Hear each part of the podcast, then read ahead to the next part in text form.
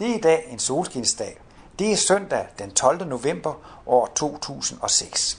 Vi er i Aarhus. Jeg skal holde et etdags seminar i Højbjerg, lidt uden for Aarhus. Og temaet det er bøn, kreativitet og seksualitet. Og det foredrag, vi skal høre nu, det er det andet indlæg, hvor vi skal høre om kreativitet, og jeg har givet det titlen Kreativitet og livskunst. Værsgo. Ja, Øh, det var jo sådan tre programpunkter med bøn og med seksualitet og kreativitet. Og fællesnævneren, det skulle jo så være det her med gudsforholdet. Derfor vil jeg gerne så komme sådan med et, et lille foredrag omkring øh, kreativitet og livskunst. Og øh, Martinus øh, har skrevet noget interessant, synes jeg, om kunst og kunstens væsen i den her lille bog nummer 13, som hedder Juleevangeliet. Så det er nu også lige ved at være sæson for det, så det kan jeg da anbefale jer som julegave i del for, for jeres egen skyld. At øh, i juleevangeliet taler Martinus faktisk også en hel del om den seksuelle poludvikling. Og øh, han tolker også juleevangeliet lidt på den måde, at øh, inden i os fødes der også et kristusbarn. Og øh, kristusbevidstheden den bliver båret af den modsatte pol. Når man er et enpolet væsen, er man et egoistisk dyr. Men så begynder den modsatte pol ganske langsomt at fødes og vokser frem. Så den modsatte pol er jo et glimrende symbol på Kristusvæsenet. Ikke? Altså, Kristus bliver født i stallen. Altså, Kristus bliver født i dyreriget. Se, øh, det er jo et glimrende symbol, når man øh, kan se, at Kristus er født i dyreriget eller i stallen. For det er netop, når vi er enpolet, at vi er dyr. Og øh, Martinus taler om, at ved overgangen fra dyremenneske til abemennesker, det er sådan ligesom det, det første trin efter dyremennesker, eller de første abemennesker, de er dyremennesker. Og lige omkring det udviklingstrin, der kan man sige, at der begynder den nye pol at gå i gang. Der får man altså en øh, human udvikling, så det er altså egentlig meget smukt Øh, symbol. Og når så altså Kristusbarnet er vokset frem til at blive et voksenvæsen, så er man blevet dobbeltpolet, og så får man kosmisk bevidsthed. Så Martinus har altså også den her tolkning af profetien om Kristi genkomst, at det egentlig står for, at øh, det kan selvfølgelig være en profeti om noget, der sker ude i den ydre verden i forbindelse med verdensgenløsningen, men Kristi genkomst kunne også godt tolkes som det, at vi skal blive Kristusvæsener igen, Altså at Kristi genkomst det er inde i os selv, at Kristus skal komme igen. Og det er så kraft af den nye pol, at Kristusbarnet vokser frem. Og jo mere dobbeltpol man er, jo ældre er Kristusbarnet kommet, ikke sandt? Til sidst så bryder det jo helt igen. Og i denne bog, øh, Juleevangeliet, taler Martinus meget om dobbeltpoltheden og så også kunstens udvikling. Og øh, det er jo netop, at øh, det der dyrenes interesser, det er parring og føde. Så på en måde er interesserne meget indskrænket i dyreriet. Det er kun, de, dyrene har kun to interesser, og det er mad og det er sex. Og det er så snart dyrene har ordnet det der med det seksuelle og det der med maden, så ligger de bare i solen og slapper af, så har de ikke mere at, at lave. Så det kan man sige, det er sådan en relativt indskrænket interesseområde. Men altså, så kan man også sige, at hvis man er et menneske med 100% familieinteresse, altså et 100% enpolet menneske, så er det altså også parring, afkommet og det med at skaffe mad. Det er altså interessehorisonten. Men efterhånden som den nye pol vokser frem, fordi vi har jo altså to seksuelle poler, og, og øhm, en maskulin pol og en feminin pol, men de kan også udtrykkes som sådan, at den seksuelle pol er knyttet til kønsorganerne, og den anden pol, altså den intellektuelle pol, den er knyttet til hjernen. Så når vi bliver mere og mere dobbeltpolet, så bliver vi altså også mere og mere intellektuelle. Og når vi bliver mere og mere dobbeltpolet, så bliver vi altså også samtidig mere humane. Og denne dobbeltpolethed, den giver sig altså udslag i ting, som ligger uden for hjemmets fire vægge. Man får en interesse, som er til gavn, glæde og velsignelse for andre. Og kunstens væsen, det er at være til glæde og velsignelse for andre.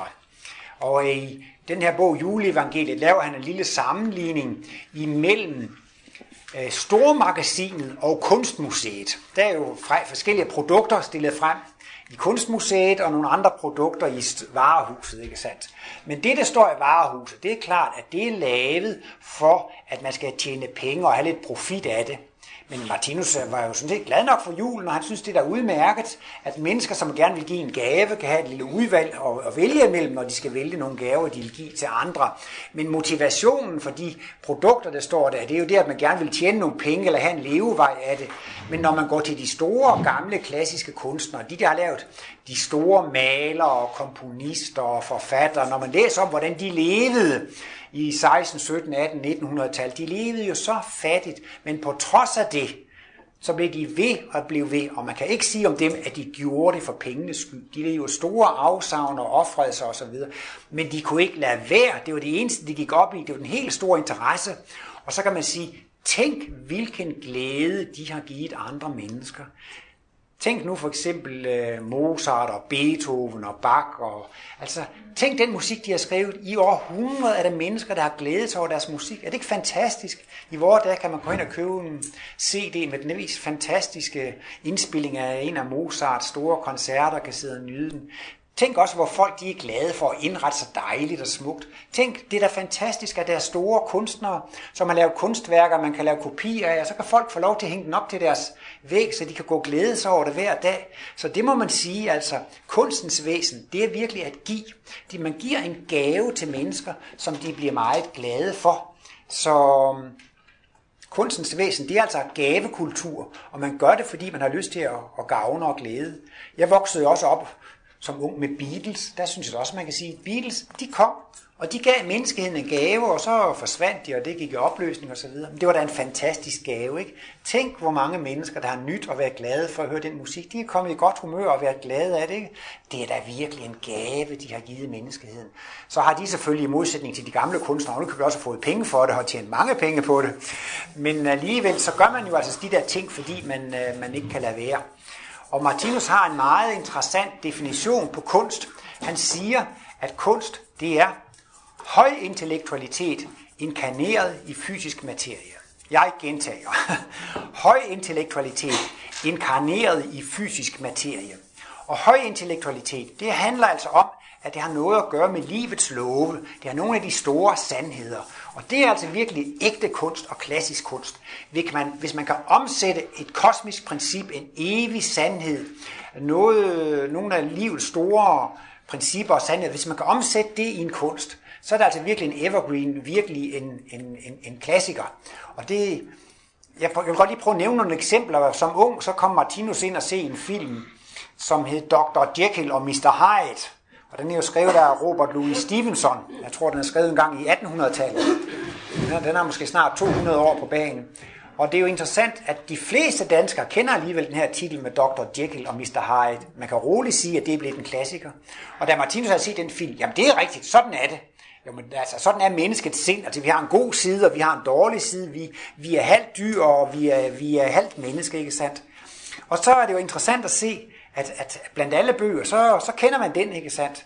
Og det er noget med, at Dr. Jekyll, det er en virkelig rar og venlig og kærlig læge i London, som hjælper menneskene. Men så har han jo ude i sit baglokale sådan et lille kemisk laboratorium, og så blander han en droge. Altså sådan, og så har han den her drik. Og den drik kan så altså i ren kultur få hans dyriske side til at fremstå. Og så bliver han jo til den onde Mr. Hyde, og så går han ud og herrer i Londons natteliv og pryler og banker folk og skærer ud og så videre. Og så kommer politiet jo efter ham, så når han jo lige som regel at komme inden for døren og få den her moddrink. Og så bliver han Dr. Jekyll igen. Man kan sige, det er en kunstnerisk måde at skildre på, at mennesket er halvt dyr og, og halvt menneske, altså jordmennesket. Og øh, sfinksen nede ved pyramiderne, det er også en gådefuld kultur. Og øh, Martinus siger, jamen altså, sfinksens gåde er egentlig det, at det er et symbol på jordmennesket. Det er halvt dyr, og det er halvt menneske. Ikke? Og det er jo noget meget øh, vigtigt for os mennesker. Og så kan man sige, både med sfinksen eller med Dr. Jekyll og Mr. Hyde, så har man altså formået at fremstille øh, sådan en, en, en sandhed i, i, i en kunstnerisk form. Jeg har også øh, med glæde set den her film om Jonathan Livingston Havmågen, og det var også en dejlig skøn musik til. Og øh, den er selvfølgelig baseret på en bog, som også er en meget øh, dejlig bog. Og øhm, det er Richard Bach, han hedder ham, der har lavet det, Richard Bach. Og han øh, har efter sigende fået et kosmisk glimt, da han gik ved stranden, og, og han fik vist to kosmiske glimt, hvor han fik altså en oplevelse af en kosmisk sandhed. Og det han egentlig oplevede, det var den kos, det kosmiske udviklingsforløb. Martinus taler om, at vi udvikler os i en udviklingsspiral. Vi udvikler os fra mineralrige til planterige til dyrerige, og vi er i slutningen af dyrerige som jordmennesker, og så skal vi blive rigtige mennesker, og så skal vi kunne materialisere og dematerialisere os. Det er sådan et helt udviklingsforløb. Og så er det jo med, at, at så kan mennesker omsætte det til deres fagområder, til deres kunst. Og udover, han var en kunstnerisk begavet, så var han også flyver, han var pilot. Og så fik han så den idé, at han skulle skrive en bog om en, om, en måge som en hovedperson. Altså hvis man spurgte mig, så ville jeg sige, sikkert er åndssvagt at lave en bog med en måge som en hovedperson. Eller ligefrem at lave en film, hvor der er en måge, der er en hovedperson. Det kan man da ikke. Men altså, han havde et kosmisk glimt faktisk oplevet det her kosmiske udviklingsforløb. Og så var han interesseret i fugle, og han var interesseret i flyvning. Så får han den idé, at han kan lave sådan en roman. Og øh, i hvert fald, den starter på lossepladsen, hvor mågerne sidder og hakker på hinanden og slås om maden, ikke sandt? Og det synes jeg også, det er også et glimrende symbol på at starte i dyreriet, men starte i egoismen, ikke? Altså det der med lossepladsen, og det der med, at man kæmper mod hinanden, ikke sandt? Det er da også virkelig et, et, et, et symbol på dyreriet, og der starter man forbundet af. Men så er det en af de der måger på lossepladsen, som får den idé, at den måske kunne begynde at træne sig at flyve noget bedre. Og så begynder den at træne og øve og perfektionere sig, og Martinus taler også om, hvordan vi udvikler os i kraft af talentkerneprincippet. Så det er også et meget fint symbol, og den bliver jo dygtig og dygtig og helt perfekt og så videre, og, og så ser man, hvordan udviklingen går fremad. Og det sker også på et eller andet tidspunkt, at, at, at den bliver slået ihjel, og så lidt længere hen i filmen, hen mod slutningen af filmen, så kan den lige frem materialisere sig og dematerialisere sig. Det synes jeg var interessant, også fordi der i spørgetimen kom et spørgsmål om, om det der med, hvordan vi skal komme ind til den fysiske verden i fremtiden, at man også kan materialisere sig. Selv det kom med i den der film med, at, at mågen, den kunne så, hvis den var et sted, så kunne den materialisere sig et andet sted. Ikke? Der kan man sige, det er da også fantastisk, at man kan skitsere et udviklingsforløb i spiralkredsløbet i, i en roman med en måge som en hovedperson, eller en film med en måge som en hovedperson, det er kunst. Og det bliver en klassiker, og det er noget, der bider sig fast lige så snart, at det er en af de evige sandheder, man har skildret på den måde der, så, så er det altså noget, som, som folk de øh, husker. Jeg er også selv meget glad for den norske maler Edvard Munch, og selvom han er sådan lidt, måske sådan lidt enkel i stregen, men altså det, jeg, jeg tænker på et af hans malerier, og det er der, hvor at der er en mand og en kvinde, der kysser hinanden, og billedet det hedder bare kysset, men øh, der, hvor læberne mødes, der går de i et. Altså det er ligesom, at hovederne hænger sammen. Han har glemt ligesom at tegne sådan en adskillelsesstreg mellem manden og kvinden. De er nemlig som blevet til et kød. Der står jo i Bibelen, at manden skal forlade sin far og mor og holde sig til, til sin hustru, og de skal blive et kød. Jamen, så synes jeg, det er da et fantastisk maleri. Altså bare sådan ved, ved, ved et kunstnerisk træk, så, så har han ligesom vist, hvordan kysset gør dem til et kød, ikke sandt? Og det er jo også det, der ligger i den der forening, og det guddommelige med at opleve den guddommelige velløst fornemmelse, ikke sandt? Så det synes jeg også, at det var jo en meget kunstnerisk måde at udtrykke det der princip med, med den der forening, der er imellem de to køn, at de hænger sammen. Han har også tegnet det, eller lavet et maleri, der hedder Jalousi, der står et ægtepar omfavner hinanden, og så står der en mand, han er helt grøn, han står sådan lidt skråt med ryggen til os, og han ser helt forfærdelig ud i hovedet der. Så tænkte jeg også, det er da interessant nok at se, altså, at, at sådan, det er ligesom, det er også et af livets store motiver i det hele taget med den dyriske seksualitet og jalousien, ikke sandt? Og så kunne sætte det på, på, på print, så bliver det altså en, øh, en evergreen, når man gør det. Øh, Martinus, han har jo også på en måde jo så lavet en evergreen, men han gør det jo så i en videnskabelig form. Han oplever alle livets sandheder og principper og, og, og sætter det på sådan en, en formel. En videnskabsmand som Newton, han øh, fandt jo Newtons første lov, og Newtons anden lov, den er jo kendt som massetiltrækningsloven eller gravitationsloven. På en måde er det også lidt af det samme, som kunstnere gør, ikke sandt? Altså, en, en kunstner kan finde en formel i sin kunst for at udtrykke det her, ikke sandt? Men, men uh, Newton, han kunne jo så lave en fysisk formel, som jo også lige frem udtrykker den der formel. Det er jo også en evig sandhed, ikke sandt? Som får sådan et, et, et fysisk udtryk. Så det er jo også på en måde at, at inkarnere høj intellektualitet i, uh, i fysisk materie. Og så er det jo helt utroligt, at folk ved, ved ballet, eller musik, eller skulpturkunst. Altså det, det er jo fantastisk, hvordan man kan udtrykke forskellige ting. Der findes en øh, islandsk billedhugger, som hedder Einar Jonsson, og Martinus han øh, besøgte Island men jeg tror, Einar Jonsson var død på det tidspunkt, men der var lavet et Einar Jonsson museum, og, og han traf altså også øh, enken, Og Martinus, han var så glad for de der skulpturer. Og Martinus, han kunne tolke meget mere ud af skulpturen, end, end Anna Jonsson eller de andre selv kunne gøre. Men Martinus, han kunne ligesom se, så at sige, at alle hans skulpturer, de viste lysets sejr over mørket. Og øh, han har skrevet lidt om det i nogle islandsbreve, som så småt altså også skal, skal blive publiceret. Og et af dem, det er en stor smed eller en stor snedker, eller sådan det. Der står i hvert fald en mand, og så hammer, jeg tror det er en snedker, ligesom en, med en hammer og et stemmejern. Og så er han ved at lave en skulptur, og det er ligesom et menneske, der ligger ned, og så står han og, og, og, og, og hamrer det ud. Men så hver gang der kommer en gnist eller en høvelsbån, eller sådan noget, hvis man så kigger ned i detaljen, så kan man se, at hvert høvelsbål, det har en menneskekrop. Og så kan man så sige, at den store smed, eller den store billedhugger, der står der, det er Gud selv, som er ved at skabe mennesket i sit billede, takket være reinkarnationsprincippet. Altså, vi har jo været øjler og aber, og Martinus siger, at det er godt med døden, så vi kan skille os af med vores fortidige øjlekroppe og abekroppe, sådan så vi kan få vores krop opdateret og opgraderet i øh, overensstemmelse med vores udviklingstrin. Det kan man sige, det var da en fabelagtig skulptur, Altså tænk i en sten, og bare, øh, altså som Ejner Jonsson har gjort det i en sten, ikke sandt? Kan simpelthen udtrykke, at det, det hele drejer sig om her i den fysiske verden, det er, at Gud skaber mennesket i sit billede efter sin lignelse. Martinus, han øh, brugte meget på sine gamle dage. Han sagde det så tit, altså. Han sagde også i sin foredrag det, det sidste, at han syntes, at det største ord i Bibelen, det er der, hvor man lader Gud sige, lader os skabe et menneske i vort billede efter vores lignelse. Fordi det er også at sætte hele den fysiske verden på én formel. Hvad er meningen med den fysiske verden? Abe en kosmisk bevidsthed. Vi starter i mineralrige, og vi bliver planter og dyr og jordmennesker, og vi bliver rigtige mennesker, og vi får kosmisk bevidsthed. Den fysiske verden er livets skole, hvor vi får en bevidsthedsfornyelse og skaber en ny kosmisk bevidsthed. I stedet siger Martinus også, det vibrerer i mikrokosmos, det bevæger sig i mellemkosmos, tingene bevæger sig i makrokosmos. Vi lever i et eneste stort bevægelsesocean. Hvad er dette bevægelsesocean udtryk for? Det er jo et meget kompliceret spørgsmål, og et meget omfattende spørgsmål. Men det, der er så karakteristisk med Martinus intuition. Han kan lige se igennem det, og han kan besvare spørgsmålet med tre ord. Hele dette bevægelsesocean, altså hele den fysiske verden, det er jo et bevægelsesocean er udtryk for, at Gud skaber bevidsthed. Gud skaber bevidsthed. Altså i form af livets direkte tale, så taler Gud til de enkelte mennesker. Og Gud bruger altså konsekvenspædagogik, også kaldet karma-princippet, til at udvikle os med. Ikke? Så altså, at Gud skaber bevidsthed. En hver bevægelse, fordi Gud er alt, og alt er Gud. Og alt, hvad jeg møder du i, det er Gud, det taler til mig. Ikke sandt? Så Gud skaber altså mennesket med kosmisk bevidsthed i sit billede. Ikke? Så man kan også selv sige, at selve formuleringen i Bibelen, det er jo også høj kunst. Det er altså også høj intellektualitet, inkarneret i fysisk materie.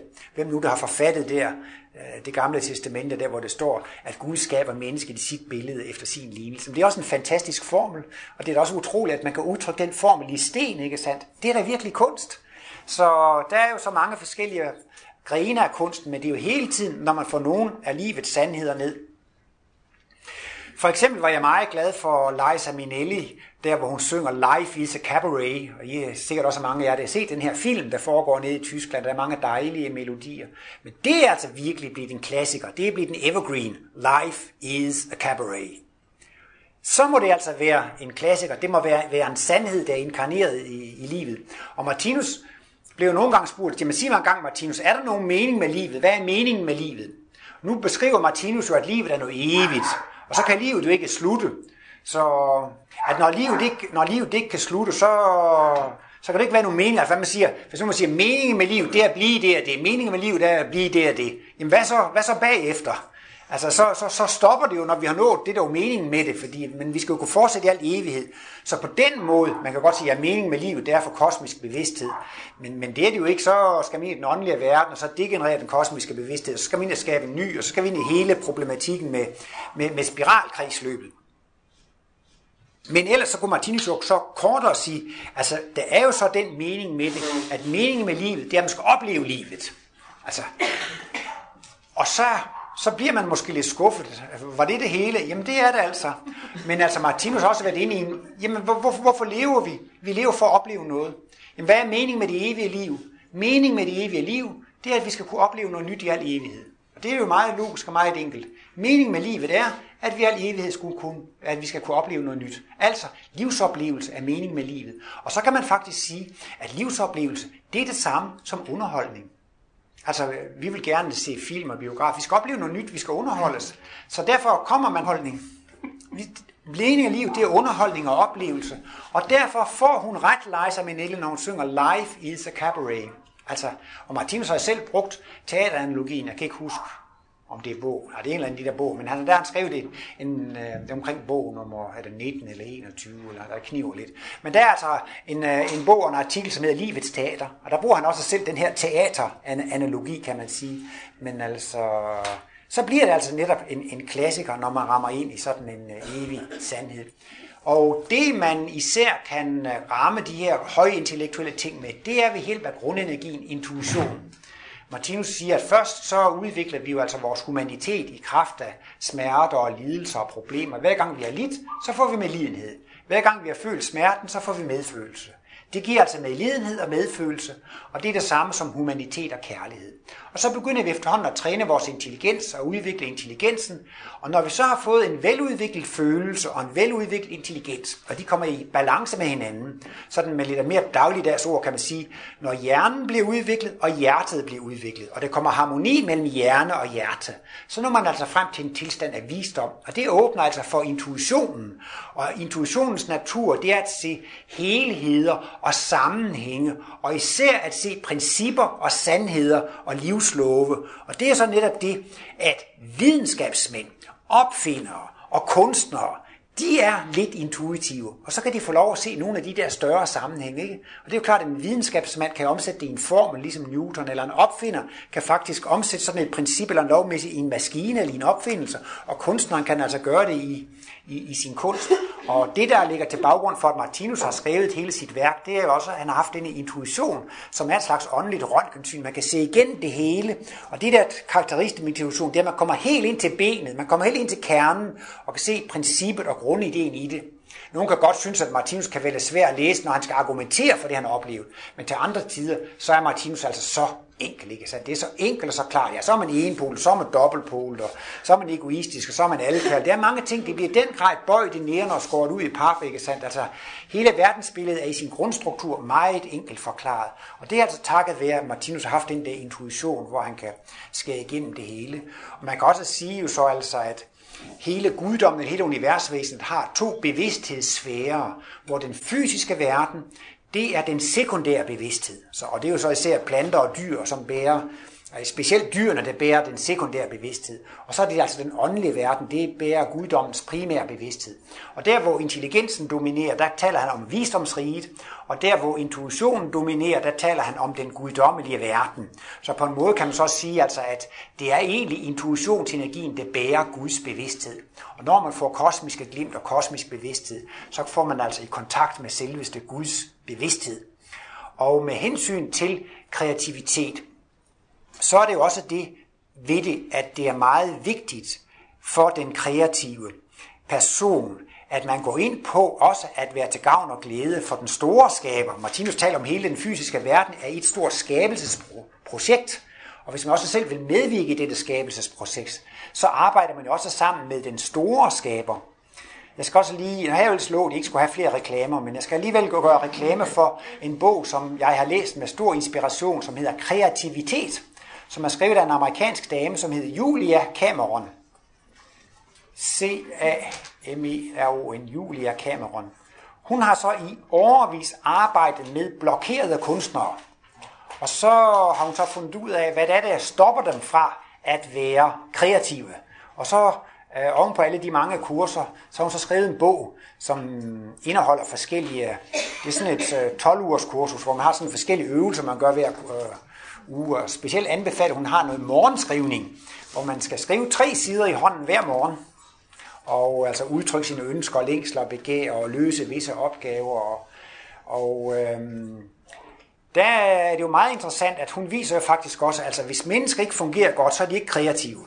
Og det er meget, for eksempel, hun går meget ind på, at hvis man øh, ryger og drikker og spiser forkert og sover for lidt alt muligt, så er man ikke kreativ, fordi så ødelægger man noget på den led. Så går hun også meget ind på at se på, hvad har jeg oplevet i min barndom? Hvordan er jeg blevet forurettet? Hvem har stoppet og blokeret mig? Og det er jo ligesom Martinus går ind på alle de her mentale fængsler, ikke? Altså man kan ikke tilgive folk, fordi jeg er uretfærdigt behandlet. Det er de andre, der er årsag til problemer. Det er deres skyld osv. Der har vi så meget i vores last, hvor vi kan tilgive, og det anbefaler hun også meget, at man virkelig skal, skal arbejde med at få, få det ud af verden. Så er det selvfølgelig en kristen dyd at hjælpe og tjene andre, men hun går også meget ind på, at man kan få en følelsesmæssig underernæring. Tænk på, hvor meget tid du har brugt på at hjælpe andre. Tænk på, hvor meget tid du har brugt på at hjælpe andre og ignorere dine egne behov. Så hun synes lige frem, at man skulle lave lidt mere brainstorming på, hvad kan jeg egentlig gøre for mig selv? Hvad har jeg selv behov for? Det er tit så, man er interesseret i at hjælpe ægtefælder på jobbet og børn og alt muligt andet. Det kan også godt gøre, at man kommer lidt i underbalance, at man ikke fungerer så godt, altså at man, at man øh, at man ville have det bedre, hvis man også så til, at man selv havde det godt. Det ene behøver ikke udelukke det andet. Altså, at man kan forfylde sine egne behov, og derudover kunne man måske hjælpe andre.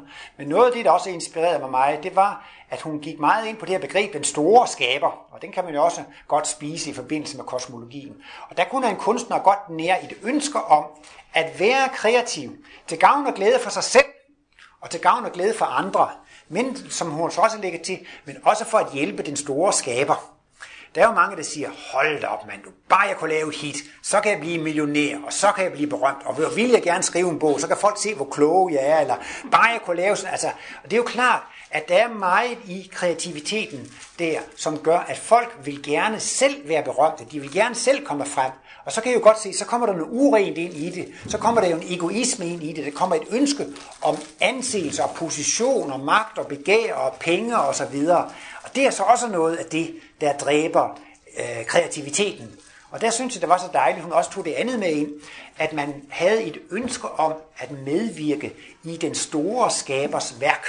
Og det, nu er vi jo meget interesseret i Martinus kosmologi, og øh, det er jo også et udtryk for den nye verdens impuls, og Martinus taler jo om, at der er ved at blive skabt en ny verdenskultur her på jorden, ikke sandt? Og det går faktisk en, ligefrem en makrokosmisk kraftbølge ind over jorden, som er med til at omskabe jorden her til, til et kærlighedens øh, fredsrige, til verdens forenede stater, og der, der er virkelig enorme åndelige kosmiske kræfter, som er på vej ind over kloden, for at være med til at skabe en ny verdenskultur, ikke sandt?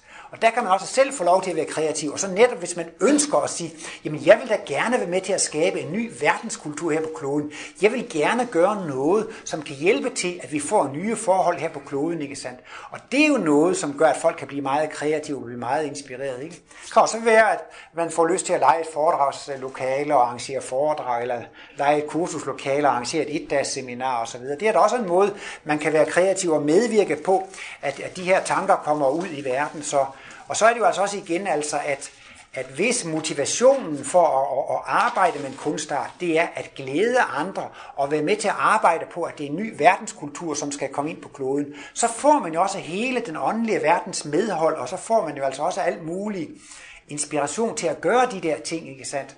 Og jeg har jo også lagt mærke til, når man så virkelig læser om, hvad det er, der har gjort, at, at, at kunstnerne er blevet meget store, så virker det på mig næsten altid som om, at de har fået det fra den åndelige verden. Altså, øh, der har for nylig været et øh, interview med Peter Hø, og han fik jo verdens succes med den her, med Smillas øh, fornemmelse for sne. Og der fortæller han så, han havde egentlig ikke noget særligt med Grønland og sne at gøre, men morgen så havde han altså drømt, eller vågnede han op efter at have haft en drøm, og, og, og det kørte altså virkelig stærkt, det der med sneen og det der med Grønland. Og, og dagen efter drømte han vist lidt igen, og, sådan noget, og han, han følte det næsten som en hel besættelse. Han måtte skrive den bog, og han fik en kolossal inspiration til at skrive den, ikke sandt? Men sådan set lidt med, med mine øjne, så er det altså ligesom om, han har fået en, en, en, en, altså bogen var der allerede egentlig på det åndelige plan, ikke sandt? Men han har fået en vældig inspiration til at tage den ned. Og sådan kan det også sagtens være med Mozart, som i løbet af nogle sekunder eller sådan noget, så, så, så, så kunne han tabe, tab det ned, ikke sandt? Og så er det jo altså, altså hvem er det så, om jeg så må sige, der kan få de store inspirationer? Ja, for det første, så skal man jo selv have en vis begævelse. Hvis man, hvis man skal have en stor øh, videnskabelig inspiration, så skal man jo i forvejen være en begævelse, ligesom Niels Bohr eller Einstein. Man skal jo have en god begævelse, ikke? Men hvis man så er yderligere interesseret i at gøre det på den rigtige måde, så kan man jo tage sådan nogle store intuitioner ned. Og hvis man i forvejen er godt skrivende og rigtig godt kan skrive, så kan man altså også få lov til at være redskab for at få sådan nogle vidunderlige ting ned. Og det er jo så også noget af det, der støtter kreativiteten, hvis man også får en lidt mere ydmyg holdning til det, og ser sig selv som et redskab for, at man kan få lov til at tage sådan nogle ting ned. Og det er jo også nogen, der har sådan en ydmyghed indbygget i sig. Så jeg synes altid, det er meget spændende at høre, hvordan kunstnere og videnskabsmænd har, har fået, at komme på de ting, de har kommet på. Og meget ofte, så er det jo netop fordi, at de har fået, øh, altså det næsten er en gave fra den åndelige verden. Og så er det jo naturligt nok, at man får den gave fra den åndelige verden, når man er på bølgelængde med den åndelige verden. Ikke? Og selve, man kan sige, jo mere begavet og jo mere, man, så jo mere poludviklet øh, er man jo også, ikke sandt? Og jo mere dobbeltpolet med, jo mere, jo mere intuitiv er man jo også for at kunne få sådanne uh, øh, impulser ind fra, fra, den, uh, fra den åndelige verden. Og uh, Martinus taler jo så om, altså, at, at, at kunstnere og videnskabsmænd kan altså få nogle meget stærke inspirationer, og det er altså forløbersymptomen til, til, til det virkelig dagsbevidste kosmiske oplevelse, altså stærke inspirationstilstand. Og på et eller andet tidspunkt, så får man altså et kosmisk glimt. Og der er der også, Martinus siger, sådan lidt spøgefuldt. Man skal ikke tro, at man får et kosmisk glimt i et raseriudbrud.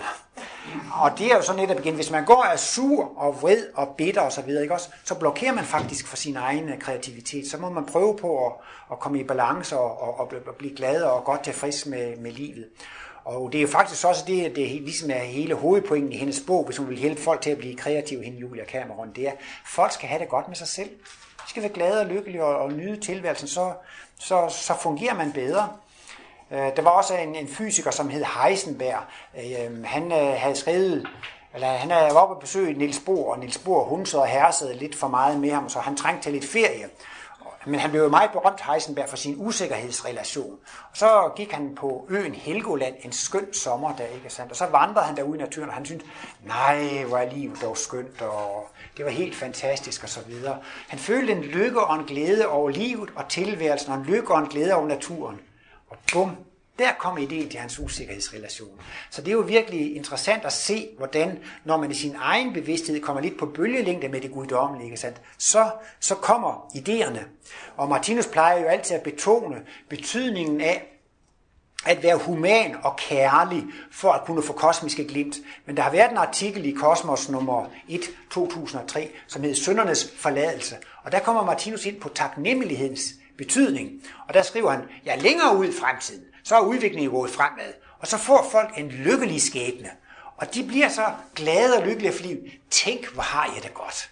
Altså, og så begynder man at tænke på alle de forhold, man har. Hvor går det godt her? Det går jo godt over hele linjen.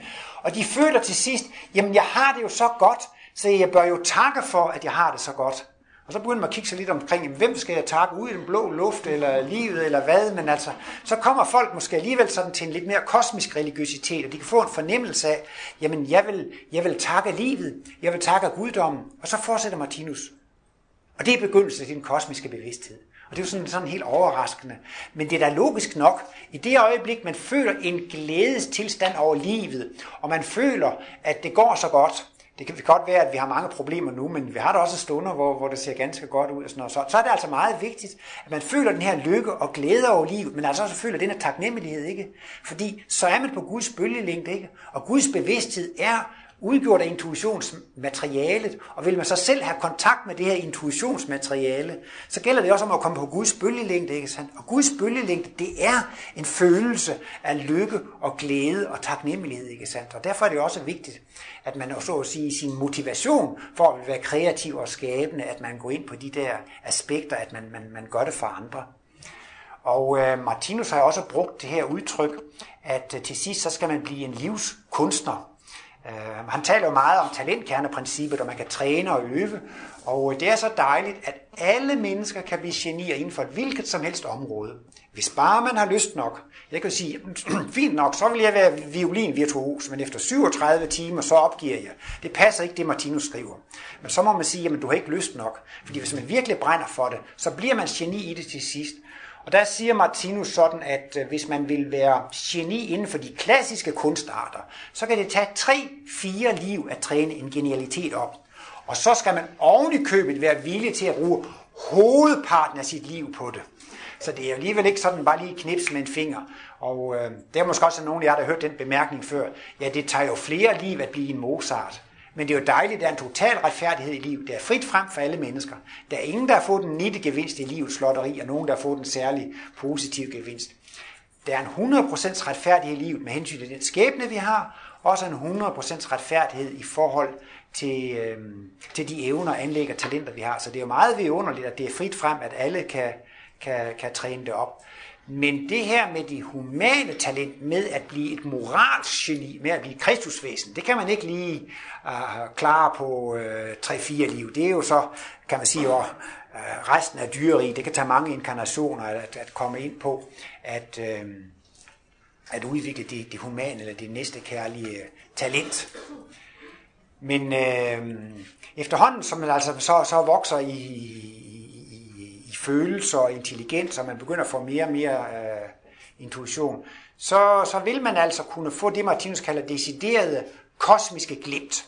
Og øh, der kan være forskellige karakteristiske træk. Der findes selvfølgelig mange åndelige oplevelser, mange lysoplevelser. Jeg kan jo ikke sådan lige her stå og sige, hvad det skiller det ad. Der er mange, der siger, jeg har haft en åndelig oplevelse, jeg har haft kosmiske glimt osv. Men, men Martinus mener nu generelt, at hvis man virkelig har haft et rigtigt kosmisk glimt, så vil man ikke fortælle andre om det. Så vil man altså holde det lidt som sin... Øh, det er klart, at det er jo meget fascinerende. Jeg har fået et kosmisk glimt, og så kan man jo rigtig fortælle, hvor højt udviklet det er, ikke sandt? At, øh, så hvis I spørger mig, om jeg har fået et kosmisk glimt, så må jeg sige, det kan jeg ikke svare på. Nej. Nej, det var en joke. men, øh, men, men øh, det, der typisk er det første, man oplever i et kosmisk liv, det er en ildoplevelse. Og øh, det er også noget med, at Moses så tørnebusken brænde, og Paulus så, at der faldt nogle ildtunger ned fra himlen, og også der ved pinsen, da de fik sådan et kollektivt kosmisk glimt. Det var også noget med den hellige ånd, det er jo pinsebegivenhed med den sidste nadver. Og det mener Martinus altså også er faktisk et symbol på, at de fik nogle kosmiske oplevelser, disciplene der. Og Martinus taler også selv om den hvide ilddåb og den gyldne ilddåb, så, så det er åbenbart noget meget karakteristisk, det der med, med ilden. Men Martinus skriver et sted, at havde man kontrolleret Moses tørnebus bagefter, så ville den ikke have været Øh, brændt bladene. Det er altså det, man kalder for en subjektiv øh, ild. Og dernæst vil man altså få en, en lykkefornemmelse og en salighedsfornemmelse. Altså man vil være så, ja hvad skal man sige, lykkelig, glad, stille fryd og altså en sådan rigtig ophøjet fornemmelse. Men så kommer så det, der bliver interessant, at derudover vil man også få en, intellektuel oplysning. Man vil få adgang til en viden, som man ikke kan få adgang til på andre måder. Og så er det jo selvfølgelig klart, at har man haft en speciel kunstnerisk retning, eller en videnskabelig retning, eller kreativ retning, så vil man jo typisk også få nogle oplysninger inden for, for, for, for, for den retning. Og klassisk kan man i kosmisk glimt opleve, at jeg er udødelig. Og altså al dødsfrygt vil simpelthen forsvinde som duk for solen, efter man har haft sådan en oplevelse og vel vil nok sige jo kernen i et kosmisk glimt, det er så, at man kan få lov til at opleve Guds bevidsthed, og få lov til at opleve, at alt er så godt. Man kan i et kosmisk glimt opleve alt det, jeg før troede, som var ondt og forfærdeligt, er i virkeligheden kærlighed for klædning. Det er ubehageligt, men det er et ubehageligt gode, og det er jo klart, det er noget af det mest højeste og det suveræne, man kan opleve. Man kan simpelthen opleve, der eksisterer ikke andet end kærlighed. En gang troede jeg, at der var noget ondt og noget forkert og noget ubehageligt. Men så kan man selv få lov til at opleve, det var kærlighed i forklædning. Det var noget, som var nødvendigt for at udvikle medlidenhed og medfølelse og humanitet og kærlighed. Det var noget, der var nødvendigt for at omforme mig i, i den retning.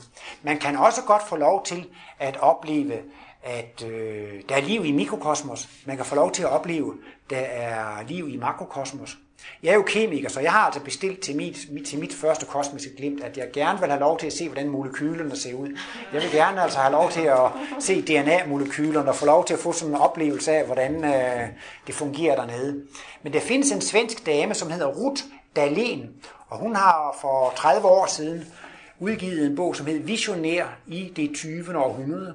Og øh, hun var ude og gå en tur i naturen, og så kom hun til at stå og kigge på en grænnål, eller en frostkrystal, eller hvad det var. Og så lige pludselig, så fik hun et kosmisk glimt. Hun blev suget ind i den grænnål, og oplevede, at det var et univers af liv. Altså, altså ligesom, hun dukkede ind i en verden, i en lille verden, men lige pludselig åbnede den lille verden sig, og var et stort univers, som vibrerede af liv, og det var det mest vidunderlige, det mest skønne oplevelse, hun har fået. Hun blev simpelthen så forbavset over, at den lille ting, den lille mikrokosmiske ting i virkeligheden var, var, var, var i vibrerende, levende kosmos. Og hendes mand kunne slet ikke forstå det, og præsten kunne ikke forstå det, og det var, til sidst blev det ret belastende for hende. Hun vidste, hvad hun havde oplevet, men andre sagde, ah, du er ved at blive skør, og du er ikke rigtig klog, og så videre. Ikke andet, så tror jeg, det kan være en fordel for mange af fremtidens mennesker, at Martinus har beskrevet fænomenet kosmisk bevidsthed, så man ved, at man ikke er tosset, og altså, at, at man ved, at det, det er noget naturligt, man kan få lov til at, øh, få lov til at øh, opleve. Man kan også godt få lov til at opleve reinkarnationsprincippet og karma-princippet, eller lidt ligesom Richard Bach, der man kan få lov til at opleve udviklingen hen igen spiralkredsløbet. Man kan få lov at opleve en lang række af livets øh, store sandheder. Hvad skal vi lave i det rigtige menneskerige? Vi skal underholde hinanden. Vi skal alle sammen blive genier. Vi, principielt så skal vi alle sammen blive genier inden for alle områder. Og hvad skal vi da bruge alle de talenter til? Ja, det, vi, nogle af os har måske nogle talenter, som, som ligger lidt latente. Martinus siger, det, vi kommer jo ikke videre i udviklingen, i udviklingen hvis vi kun bruger vores gode sider. Vi, vi bliver faktisk født herind på livet og kommer ind i nogle situationer, hvor det er de dårlige sider, der skal forbedres. Så derfor kommer vi faktisk tit ind i en inkarnation og et liv, hvor vi har mange problemer og smerter, fordi det er dem, der skal overvindes. Men de gode sider kan godt være der, og det er ligesom med isbjerg, der kan man kun se en tiende del, som er overvandet. Øh, ni tiendedel er skjult, dem kan vi ikke se. Og sådan siger Martinus også, vi har haft 10.000 af liv. Vi har så mange erfaringer. Men det er kun en lille smule, som er op i det her liv, fordi det er det, der skal bearbejdes. Så glæd jer, I har sikkert mange geniale talenter, der bare ligger og venter på, at de skal blive brugt, når vi kommer ind i det rigtige menneskerige. Så det bliver jo simpelthen, at i det rigtige menneskerige, vi skal underholde hinanden, og der skal man ikke bruge male, og musikinstrumenter. Alt kan laves i åndelig plastisk materie. Man kan lave maleri og flotte naturscenarier. Bare man tænker dem, så står de jo i naturen, og man kan bare tænke sig de smukkeste, hvad hedder det, sfæriske musik og så videre. Og så kan den ene underholde, og så kan den anden underholde. Og det er altså faktisk det, det er princippet i næste kærlighed. Det er faktisk at underholde og glæde andre. Og øh, inden vi måske også når så langt der, så siger Martinus altså også, at det vi skal udvikle os til, det er at blive livskunstnere. Altså målet med udviklingen her på jorden, det er at blive livskunstnere. Og det vil faktisk sige altså, at, at, at vi skal blive et levende kunstværk. Altså det vil jo så sige, at, at folk de, ja, det er nogen, der skuespillere, men på en dag, så skal man næsten sige, på et tidspunkt, så bliver alle mennesker lige så underholdende som skuespillere, og de kan fortælle historier og vitser, og de kan fortælle en masse ting, eller man kan synge, og man kan spille, og man kan tegne og male, og det kan være, at man får en pæn frisyr og tager noget pænt tøj på, eller som man dufter godt, eller sådan et eller andet, sådan så de ligefrem bliver en nydelse for andre, og, og, og være sammen med vedkommende, ikke sandt? Altså, jeg ved som sagt ikke, hvordan jeg skal kunne male det op, men altså, det vil på den, til sidst vil det altså simpelthen sådan komme til at udtrykke sig, at alle levende væsener, de bliver simpelthen, man kan næsten sige, det bliver totalt teater, levende teater, altså hver eneste menneske øh, er både en skulptur og en film og et kunstværk og en teaterrolle, altså at, at, at, at folk de bliver simpelthen så, så spændende og interessant at, at være sammen med, så, så, så hele ens liv, det bliver simpelthen et levende kunstværk, som man ikke behøver at, og, og have sten og noder og musikinstrumenter osv., så man virkelig bliver et væsen, der bliver til, til gavn og, og glæde for, for andre. Det, der som sagt er, synes jeg, så kreativitetens væsen, det er jo altså også, ligesom grundtemaet er, ikke sandt? Det er jo at komme på bølgelængde med, med Guds væsen, ikke sandt? Og det her med, at kunst, det er at inkarnere høj intellektualitet i materie, det er jo faktisk også, at man får lov til at vise andre mennesker Guds væsen. Ikke? At man må få lov at lave et kunstværk, eller en skulptur, eller en bog, eller et eller andet, ikke sandt? hvor man så faktisk altså kan materialisere Guds ånd i form af en bog, i form af nogle noder, i form af en skulptur. Altså at det er faktisk det, at man kan få lov til at vise Guds væsen for andre, fordi at høj intellektualitet, det er, jo, det er jo Guds væsen. Så det med at være kreativ, det er jo også med selv at komme i kontakt med guddommen, ikke sandt? Og det er jo så også igen altså, at øh, guddommen skal jo så at sige så har gjort et stykke arbejde. Øh, der er kosmiske kræfter i gang med at skabe den her klode om til en ny verdenskultur, ikke sandt? Og så kan man jo sige, jamen der er et arbejde, der skal gøres, og forsynet ønsker virkelig, at det her arbejde skal gøres. Ikke? Og så er det så, at hvis man selv siger, jamen jeg vil da gerne hjælpe til, jeg vil da gerne hjælpe til med at lave noget, ikke? Og så skal man så prøve at finde det plads, hvor man har sin lyst, og hvor man har sine interesser, ikke sandt? Hvad kan jeg gøre for at være med til at skabe den nye verdenskultur, ikke sandt? Og når man får den indstilling, at man gerne vil være med til, at Guds rige kan inkarnere på jorden, ikke både i kunstværker, men altså også i hele kulturen, i hele samværsformen, så kan man altså også få lov til at blive rigtig kreativ, og det er jo så utrolig velsignelsesfuldt, ikke sandt, at få lov til at være redskab for disse kræfter. Men netop, når det bliver for meget med at tjene penge og blive berømt osv., så, videre, så kan man spænde ben for sig selv, ikke sandt, men lige så snart man ligesom har den her ydmyge holdning og indstillet på, at Gud er ved at lave et stort skaberværk, og jeg vil gerne være en daglejer i Guds bolig, eller jeg vil gerne hjælpe med til at tage de her kræfter ned på jorden, jamen så kan man jo også få lov til at, kan få lov til at opleve at være kreativ, til gavn for sig selv og til gavn for andre, ifølge Guds vilje. Tak.